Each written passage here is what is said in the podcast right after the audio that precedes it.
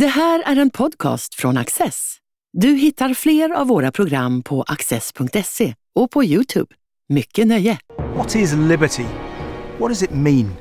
People will fight to be free, but once again, liberty is under assault. How can it best be defended? I'm Ian Martin. In this series, I'll be talking to leading scholars and authors. Our theme liberty.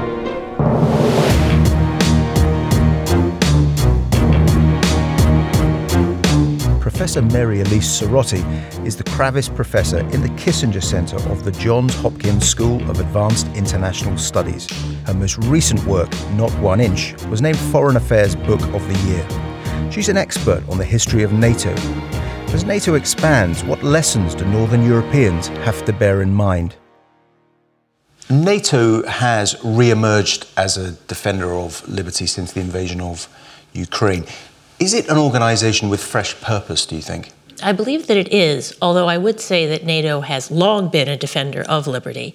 Of course, the organization came into existence in 1949, but certainly after being declared brain dead, famously by the French president, the Russian aggression against Ukraine has definitely given NATO a new focus and a new purpose. So, if there's any silver lining to come out of the unspeakable tragedy that is happening in Ukraine, it is the cohesion it has inspired among NATO allies. Let's talk a bit about Scandinavia. How have current NATO uh, members, countries like Denmark and Norway, navigated their membership keeping their relationship with Russia manageable? How has it worked so far? Yes, that's actually a very important aspect of NATO history. It's one that I emphasize in my book, Not One Inch, which is a history of NATO expansion. The uh, Norway adopted what I call the Scandinavian strategy, as did Denmark. But Norway is a particular case. Back in 1949, Norway was the only original member to have a border with the Soviet Union. And so the Norwegians realized, I think rightly, that their membership was qualitatively different than other ones because of that. In other words, they sensed that the cost per inch of NATO expansion went up the closer you got to the Soviet border. And so the Norwegians, and the Danes as well, but the Norwegians in particular, because of that land border, decided to restrain themselves. They decided to say there will be no foreign troops on our territory in peacetime and no nuclear weapons in our ports or on our lands. The reason for that, even though they could have done that, was to keep long term relations with the Soviet Union manageable. In other words, Norway gained the full weight of Article 5, which is the heart of the NATO treaty. That's the article that guarantees an attack on one will be treated by all member states as an attack on all. So they gained the full weight of that treaty, but they kept relations with the Soviet states manageable. And that, I think, is an important model for today as we're talking about Finland and Sweden joining. Mm. When Finland joins, it means that NATO's border with Russia will more than double. So that's going to be an even more pressing question. So the open question is can that Scandinavian strategy, what can that help? How can that help, help shape how NATO expands today to Finland and Sweden? And NATO were happy with this approach at the time, or was there some disquiet about it, or was it seen as a sort of necessary compromise? Well, there was there were various forms of disquiet at the start back in 1949 over a whole host of issues, including how many countries to let join and which ones. So it's um, NATO has long fought internally over a whole host of questions, and this was one of them. Personally, I think it was a smart move on the part of the Norwegians, and history shows that they did get through the entire Cold War, both as a NATO member, but without intense frictions or conflict with the Soviet Union. So, for that reason, I think it was a smart strategy. Do you think these might be options for Finland and Sweden as they uh, attempt to join NATO? Yes, actually, I've just come from Finland where I've done four days of meetings, including at the presidential palace. And they are obviously concerning a whole host of options. So, right now, the question is both will Finland and Sweden join NATO, but also how? How will they join NATO? And what will be their priorities within NATO? And the answers to those questions are not obvious because, of course, the Baltics Estonia, Latvia, Lithuania, who are, of course, roughly speaking, neighbors to Finland and Sweden, they are already in NATO. And they take a very different approach. They took a very different approach. They said, we are 100% in, no self restraint. We want every option that we can have that is permissible under existing NATO accords. So the question now becomes for Finland and Sweden how much will they choose strategies based on territorial defense versus on cooperating in the defense of the Baltics, in the case, God forbid, but in the case of some kind of incursion against the Baltics. These are all going to be questions that don't have obvious answers once Finland and Sweden become members. Obviously, the main issue right now is the Turkish objections, but as I said, I, I do not believe in the end that's ultimately about blocking Finland and Sweden. That's more about Erdogan trying to make some political gains domestically. And I do think in the end, Finland and Sweden will become members. Presumably, the Baltics take a different view because of their experience of the Soviet Union. Yes, precisely. In fact, that was one of the more interesting aspects of researching my book, Not One Inch. I did, in addition to archival research and in addition to getting documents declassified, I did more than 100 interviews, including with policymakers in the Baltics. And when I looked at the historical records from the time, this is the 1990s, so Bill Clinton is president, and this is the first post Cold War expansion in the 1990s, it's, it's going clearly to Poland, Hungary, and the Czech Republic. But the question is, what will come next? And the Baltics very much want to be in the next wave. And the Finnish and the Swedish, quietly behind the scenes, are saying to the Baltics, to the Americans, you know, we live in a tricky neighborhood up here in the north. We need to have business like relations with the Russians. And maybe the Baltics need to think about this really strong push to go all or nothing into NATO. Maybe they need to think about this in the bigger picture. And the response of the Baltics was, hell no. you think you, Finland and Sweden, you're the Moscow whisperers. You're the people who understand Moscow. You're not. We understand Moscow. We're the captive nations. We were forced into the Soviet Union against our will. We understand what it means to deal with Moscow, and this is what we want to do. So there was interesting tension behind the scenes between, of course, Finland and Sweden then being, you know, not trying to get into NATO and the Baltics. And so it'll be interesting to see if any of that persists into the you know the period in which Finland and Sweden are now going to be members. They're also the Baltics. They're also small yes. countries. That's so, another difference, yes. So, not like Ukraine, it's not as though they have huge amounts of territory that could be soaked up or territory to fight on and, and, and defend. I mean, if, as you say, God forbid, it happened, um, it, there's not much distance between the borders and, and, and, and, uh, and, and the sea. Correct. In 2016, the US think tank RAND ran a series of war games as to how long it would take Moscow to occupy the Baltics. And in all cases, the answer was measured in hours. And that was before Finland and Sweden were talking about becoming members. So that poses a real challenge for NATO. How do you counter that? In fact, at the time the Baltics were joining, there were critics behind the scenes in Washington who said, you know, maybe we shouldn't give out Article 5 on the assumption that we'll never have to live up to it. In particular, the position of the Baltics, that's tricky to defend.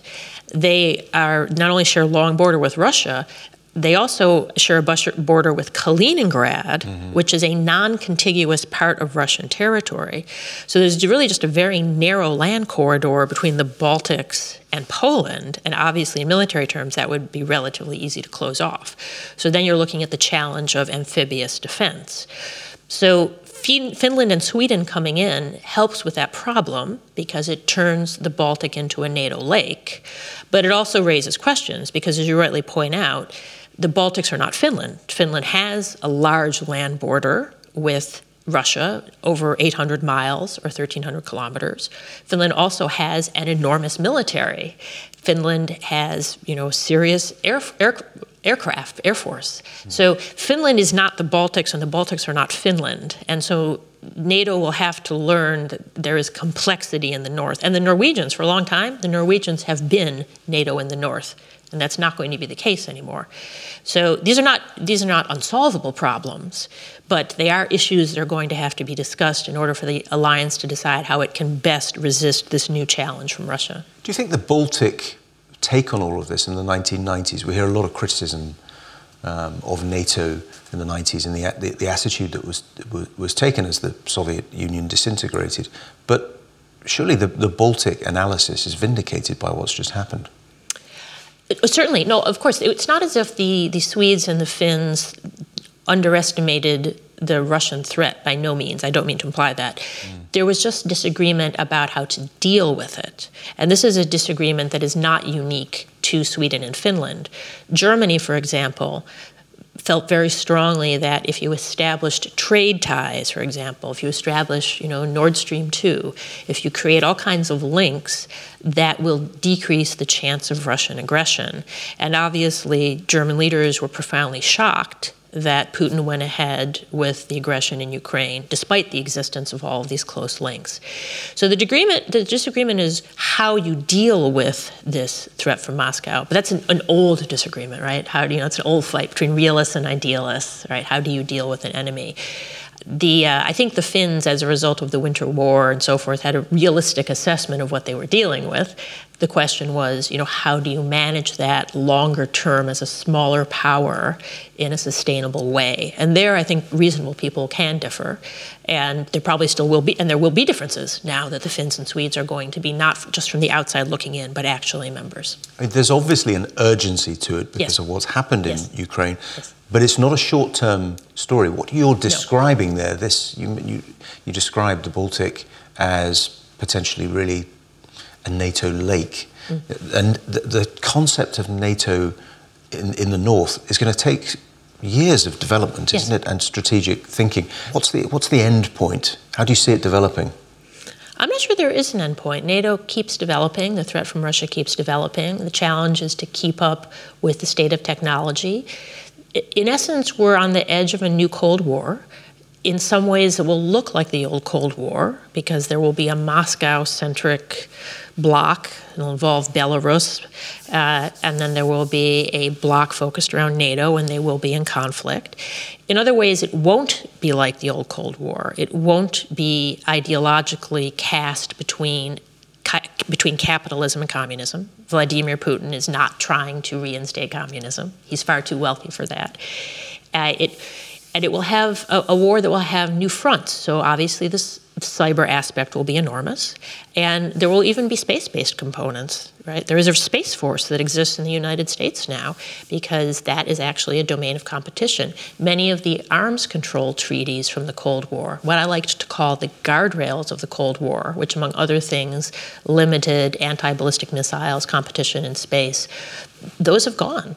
In fact, there's only one treaty left between Moscow and Washington. Moscow and Washington, more than 30 years after the end of the Cold War, still control more than 90% of the world's nuclear warheads. They retain civilization ending capabilities. And there is currently only one treaty that binds them in any way, and it is going to expire in a couple of years, and I am not optimistic about renewal. And then there will be no guardrails on this relationship. And even worse, just simple contacts have gone away.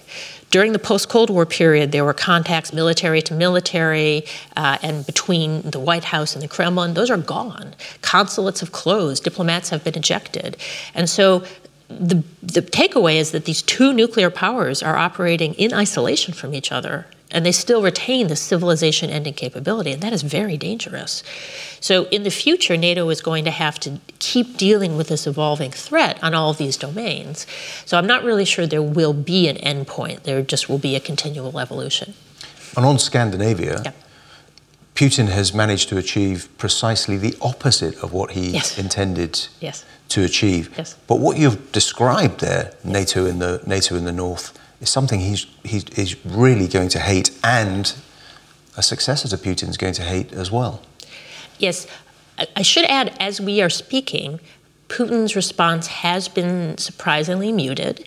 He was using bellicose rhetoric before Finland and Sweden made clear their intent to join. But since it's actually happened, his response has been muted. I suspect this is because he is, has his hands full in Ukraine. This is because he is very busy in Ukraine the question is what might happen in the near term if the Turkish objections delay the Swedish and Finnish membership. That's where I think the real problem is. To repeat, I don't think that Turkey will actually be able to stop Finland and Sweden from becoming members, but Turkey has already delayed their joining in a significant way. Since all member states need to ratify a new member's joining, he's already pushed the process into the summer holidays of many of the parliaments that need to ratify it, thus slowing it down. And that's dangerous because, for other reasons, Putin has a track record of starting military incursions in countries that have indicated an interest in joining NATO but have not yet done so. So you want to keep that interim period between your declaration of intent and your membership as short as possible, and the Turkish objections have now made it a lot longer. So that is very worrisome so the question is, as you said, this obviously is not a development that makes Moscow happy. Right now, Moscow has its hands full in Ukraine, but if it you know ramps down the conflict there, then its hands may not be so full, and it might then turn to Finland and Sweden. And so the question is, what do you do in that interim? That's one of the reasons why there have been bilateral security guarantees, such as from your country, Britain, to uh, to Sweden and Finland. So the time we're having this conversation, Yes. the process is ongoing. It's Yes. complicated by Turkey. We'll see how see how it um, works out. What are the likely tactics that he's going to deploy? Because let's let's assume that he's not going to go for full scale invasion of uh, Finland and, and Sweden or the Baltics. Let's hope let's hope that doesn't happen. Right. But there's space between doing nothing and doing Right. that. What does it look like? What does that warfare look like? Uh, and you described it as a new Cold War Right. for Sweden, Finland, and the Baltics. Right. As I said, as we're speaking, the Russian response has been curiously muted. I have just come from a series of days in, of, of conversations in Finland where the Finnish officials with whom I was speaking expressed that thought that it seems muted. They're happy that it's muted. They're wondering how long it can last. And this led to intense irritation on the part of the Finns and the Swedes with whom I was speaking about the Turkish actions, because the longer it lasts, as you rightly say, the more the chance that we might move from Putin's response being nothing to Putin's response being something. I think the most likely starting place would obviously be cyber attacks. Uh, Putin has already canceled electricity to Finland, but Finland was ready for that. And then there could be uh, incidences that are kind of in the gray zone. So the Baltics have experienced this where border agents are attacked or killed. They aren't quite an invasion, but they are a sign of menace.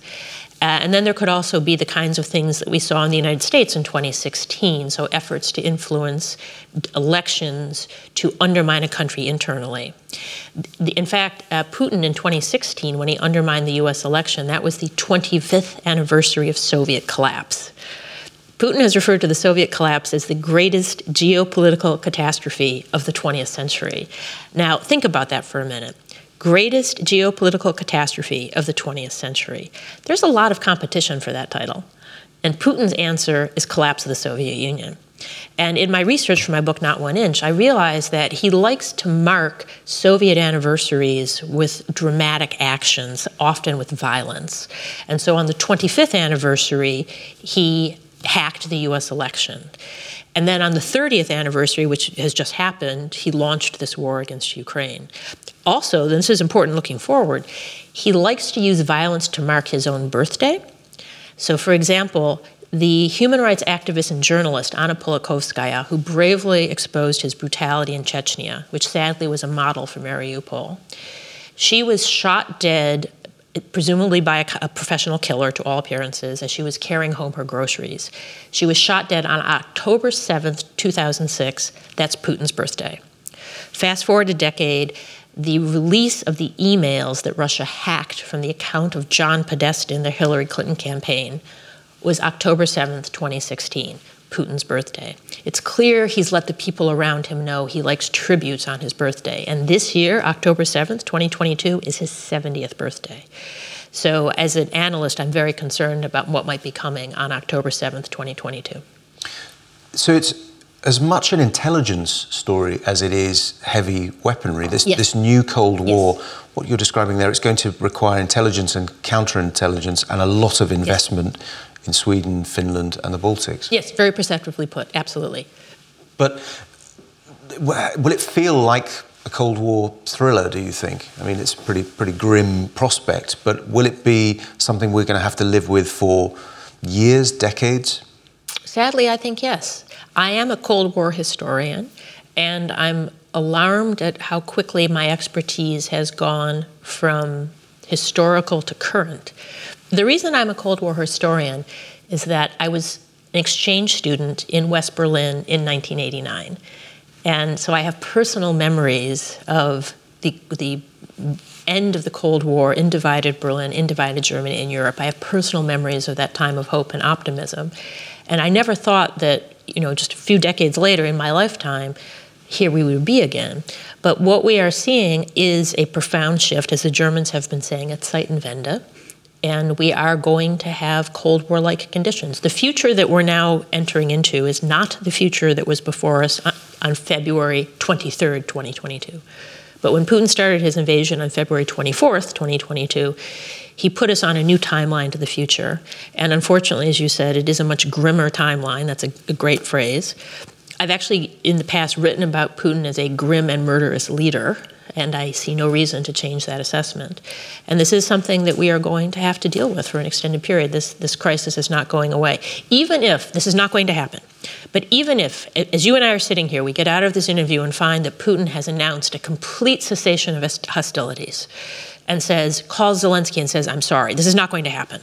But let's say, for the sake of argument, that it did. Even if that happened, it's not as if the world would say, oh, okay, let's just forget about that and go back to what we were doing before. That's not possible anymore. So we, we are in a new timeline to the future. Because he couldn't be believed. If he couldn't be believed, right? The unpredictability, also the sheer brutality in Bucha, the way that you know, the bombing of maternity wards, the bombing of a theater that had written on it in big letters in Russian children, where children were being housed, just the unspeakable acts, things that we thought never to see in Europe again. Again, for me as a historian, it's been very strange because I know I've, I've, obviously seen you know images of, of large scale land war in Europe and mass slaughter, but I've seen them in history books and historical videos. And so for me as a historian to, to turn on the news and see them in real time was was surreal. And, and no one's going to forget that. Those aren't going to be unseen. So even if Putin cancels violence today, which he's not going to do, there's still no going back. And even if his successor claims to take a slightly different approach, it's going to take many years for people to believe that person, or that person could be overthrown in a in a coup and replaced with someone similar to Putin, presumably. Right. So that yes, that's always the problem with Russia. As Russia, to repeat, just because this is an important point, has is one of the two countries with a strategic nuclear arsenal. And so, whatever the intentions of a leader might be, that capability exists. So, intentions can change in a minute. Mm-hmm. A leader can be dispensed with a single bullet but capabilities endure. And so, actually, for me, as someone who works on this area, it's, it's been kind of a surreal experience because, as a cold blooded analyst who saw this pattern of Putin marking anniversaries with violence, who was worried about this upcoming, what was then the upcoming 30th anniversary of Russian Ukrainian split, worried there would be violence, talking about it. I, in a sort of cold blooded way, I'm, I'm pleased that my analysis was correct, but as a warm blooded human being, I'm obviously horrified by these images of what is happening. And it is something that we are you know, really going to have to find a way to deal with longer term. There's also the possibility that the successor to Putin might be just as, as grim and murderous as Putin. There's no guarantee that a successor would want to reverse what he was doing. I, I should add, I believe very much that this is Putin's war. I don't believe that you know the entirety of Russia suddenly was bloodthirsty to destroy Ukraine. I, I, I, think that this is very much you know top down, top driven, and I hope that there are you know Democrats still inside Russia. Obviously, they are marginalized now, and I hope that Russia can become a democracy again. It was once, admittedly an imperfect democracy, but a democracy. And I hope that there is a brighter future for Russia. But right now, I think, as you said, the immediate future is grim. So it sounds as though the West is digging in for what's yes. going to be a fairly long conflict. But um, is there a possibility of a split in the West, do you think? I mean, we talked about how NATO is being re energized. There's northern NATO now with Sweden and Finland joining. and the Baltics have been vindicated. However, how secure is all of this? Because there are divisions, aren't there, between how France and Germany see the future and see Putin and how to deal with Russia, mm. and what the British and the Americans and the Northern Alliance and the Poles, some other countries like Romanians, like the Romanians, think how they see the world. You can see the outlines of a, of a potential split in the West, surely. Yes, it's important to remember that NATO has always fought internally. There is nothing new about that. And, and I talk about that in my book, Not One Inch, just how much disagreement there was over how to expand, where to expand. So NATO disagreeing internally is nothing new. It will keep happening. What would be new is if there weren't internal disagreements. Having an enemy the size of Russia concentrates minds as I said before, if there's any silver lining to what has happened, and it is truly unspeakable. And I would like also to express my personal admiration for the courage of the Ukrainians if there's any silver lining to what they're suffering, it's that it concentrates minds, it forces countries within NATO member states to work together to overcome those differences, to overcome those quarrels that are always going to be there. Now, obviously, they exist. We're seeing them. There's questions now over, for example, as you and I are speaking, how hard to push the Ukrainians to settle versus continuing the war. And there is discord apparent between you know the United States on one hand and France and Germany on another. So it's clear that there are going to be disagreements, but Russia has this tendency to uh, force people in the West to knock heads together and, and, reach a common position. And as long as Putin is going to continue to behave this way, that will continue to happen. That's one of the reasons why what Putin is doing is is so self-harming to him and to Russia. I mean, you know, Finland and Sweden joining NATO, we would not be, be talking about that even in mid February 2022, we would not have been talking about that. And now both countries are on the fast track to making that happen as soon as the Turkish objections can be dealt with. So, what Putin is doing is ultimately self harming. And he really is creating a situation where he's going to make things possible within NATO that weren't possible even you know, two months ago. What's the role of Britain here, do you think? Ah, yeah, Britain is an interesting role. So one of the things I've been interested in in my visits, travels here in Finland and Sweden, I've heard a number of people saying the Brits are much in evidence, the British are much in evidence.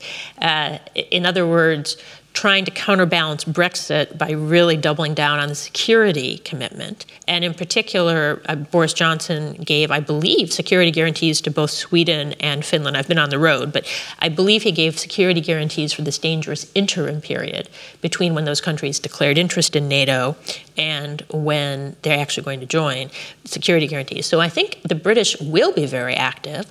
Obviously, the British are, you know, just across the water from Norway and obviously there are um, similar interests, similar maritime interests. So I suspect Britain will be very active in the process of reconfiguring NATO in the north. But the Baltics, the Poles, the Swedes, and the Finns yes. are highly unlikely to see things as President Macron sees them. Are they more likely to strengthen the relationship within NATO with the UK? Well, this will be one of the open questions. So, Finland and Sweden joining will rebalance factions within NATO, and it's not yet clear how. So, that will be part of the ongoing story and part of the ongoing development. Thank you very much for joining us. Certainly.